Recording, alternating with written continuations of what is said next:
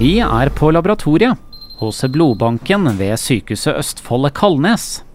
Her kommer blodet fra blodgivere inn i kasser, etter å ha blitt tappet hos en blodbank i Østfold. Det er mangel på blodgivere. Jeg møter Renate Rokstad. Hun er fagbioingeniør, og jobber også med markedsføring. Hva er det som er på hyllene her? Her eh, kommer blod inn fra alle tappestasjonene i Østfold, så her står det masse kasser som vi allerede har pakka ut eh, blodet fra, så de er tomme og skal tilbake igjen til neste runde. Etter vi har pakka det ut, så sentrifugerer vi det. Eh, vi deler det inn i røde blodlegemer og plasma. Sorterer det i hver sin pose. Plasma fryses ned. Det er holdbart i vel fem år etterpå. og blodcellene legges i kjøleskapet. Eh, da holder de i 35 dager. Eh, så når virustester og alt sånt er godkjent, så kan det gis til pasient. Og i disse kassene, er de helt fulle når de kommer inn? Ofte så er de det. Hvis det, vi har fått nok folk til å komme i blod, så får vi fulle kasser. Så det er det vi liker best. Det er behov for mer blod, selv om østfoldinger er flinke til å gi. Det forteller seksjonsleder ved blodbanken, Mona Pedersen Underud.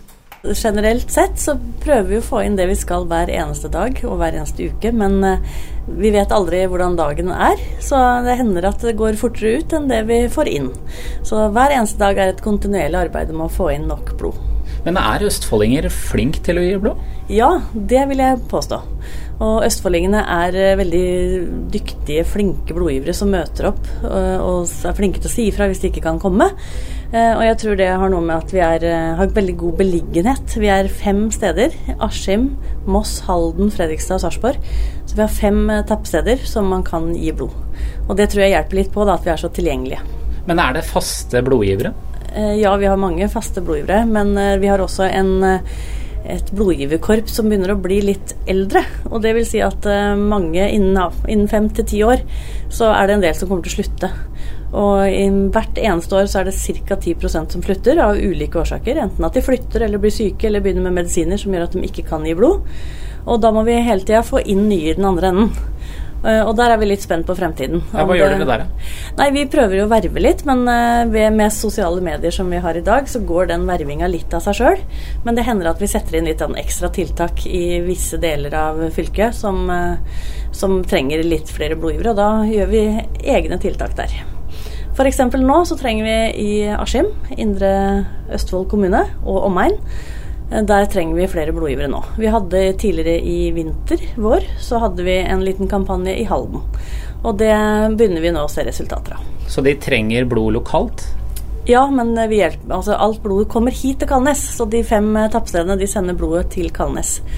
Og da kommer det hit, og så blir det oppvart her. Eh, noe, og så hjelper vi hverandre i landet dersom det skulle være mangel på blod. Men stort sett så er det her på Kalnes, og så har vi et lite lager på sykehuset i Moss hvor lenge holder blodet seg, da? Eh, blodet tappes, og så holder de røde blodlegemene i 35 dager. Og så skiller vi det også i plasma og blodplater, og plasma kan oppvares i flere år, mens blodplatene holder i ca. syv dager. Renate, nå har vi gått videre inn i ja, et rom her. Fortell, hva er det som skjer her? Det er her vi gjør blodet klart til å sentrifugere det. Vi sentrifugerer det, og så putter vi det på sånne presser der vi presser det ferdig sentrifugerte blodet inn i to poser for seg selv. Én til plasma og én til blod. Ja, for det er jo mange maskiner her, så dere, kan jo, dere har jo ikke bare én maskin her til å gjøre dette her. Nei. For det er mye blod? Ja, det kommer jo inn litt i løpet av en dag, og så er det jo greit å få det unna når vi får det. Så det er seks sånne presser som vi kan ta, og det tar ca. tre til fem minutter per pose å dele det opp, da. Men du står heldigvis ikke her alene og gjør all jobben alene? Nei, ofte så er vi to på jobb. vi er her på dagtid og på kvelden og gjør det i ukedagene. Når folk trenger blod, hvordan er rutinene på det?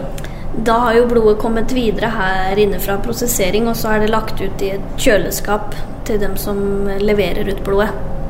Og så er det jo forskjellige blodtyper også? Ja, det er det. Det er jo fire blodtyper. Ja. Så A og 0 er jo de vanligste.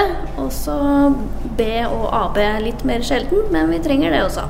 Og videre nedover her, ja, hva er det inne i dette rommet? Det er plasmafrysere. Der har vi tre frysere som vi fryser ned eh, sånn hva skal man si, prefryser ned plasma i en times tid, før vi da legger det over på et stort fryserom til lengre oppbevaring. Og inne der er det kaldt? Ja. Der er det minus 40 grader, er det ikke? Det er greit å kjøle det fort ned. Da får vi tatt vare på alt som er inni plasma. Blodet det deles opp i forskjellige deler. Hva er det de ulike posene brukes til? Blodcellene er jo det man ofte tenker på som blod når man gir blod. Det brukes jo til de som har blodmangel, ofte kreftpasienter og ved ulykker og sånne ting. Eh, plasma brukes eh, mye til man kan lage medisiner og sånt av det.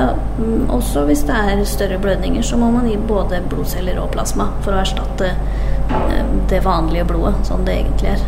Så når man gir blod, så kan man faktisk hjelpe flere enn bare én person?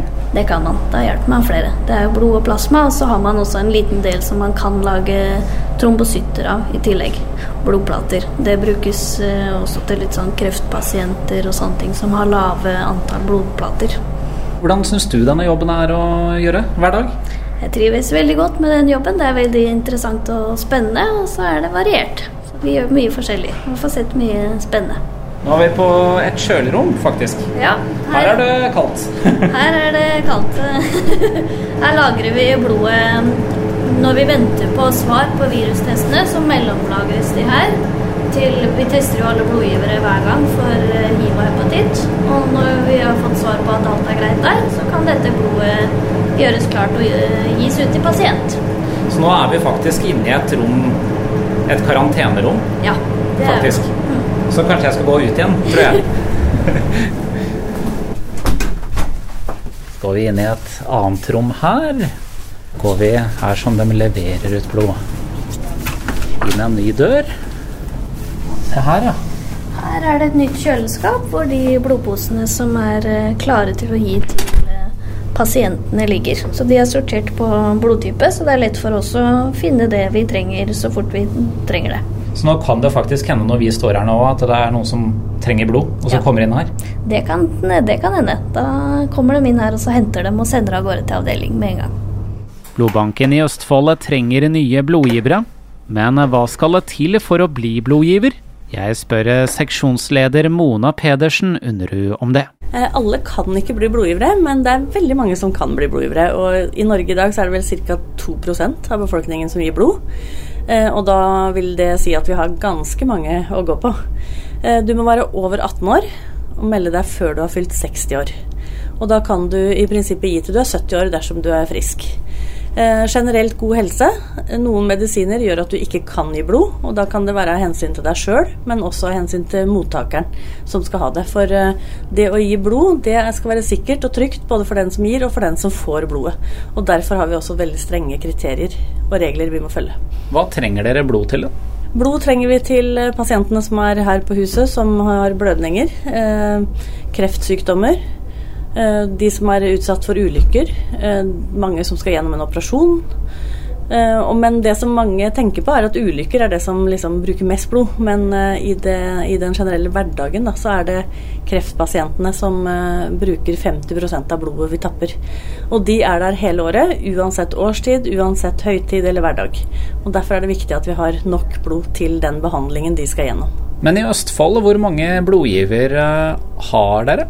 Eh, vi har eh, Per i dag så har vi ca. 7000 som gir fast, men vi har enda flere.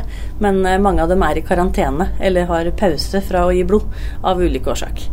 Til sammen i fjor så hadde vi ca. 17 000 tappinger bare her i Østfold. Men når sommeren kommer mm. og folk drar på ferie, hva gjør dere da? Nei, Da håper vi at de kommer og gir blod før de drar på ferie. For det hender at noen feriereiser gir eh, karantene etter at du har kommet tilbake fra ferien. Eh, så det er veldig fint hvis folk som skal ut og reise, tar kontakt med oss i forkant eh, og gir blod før de drar.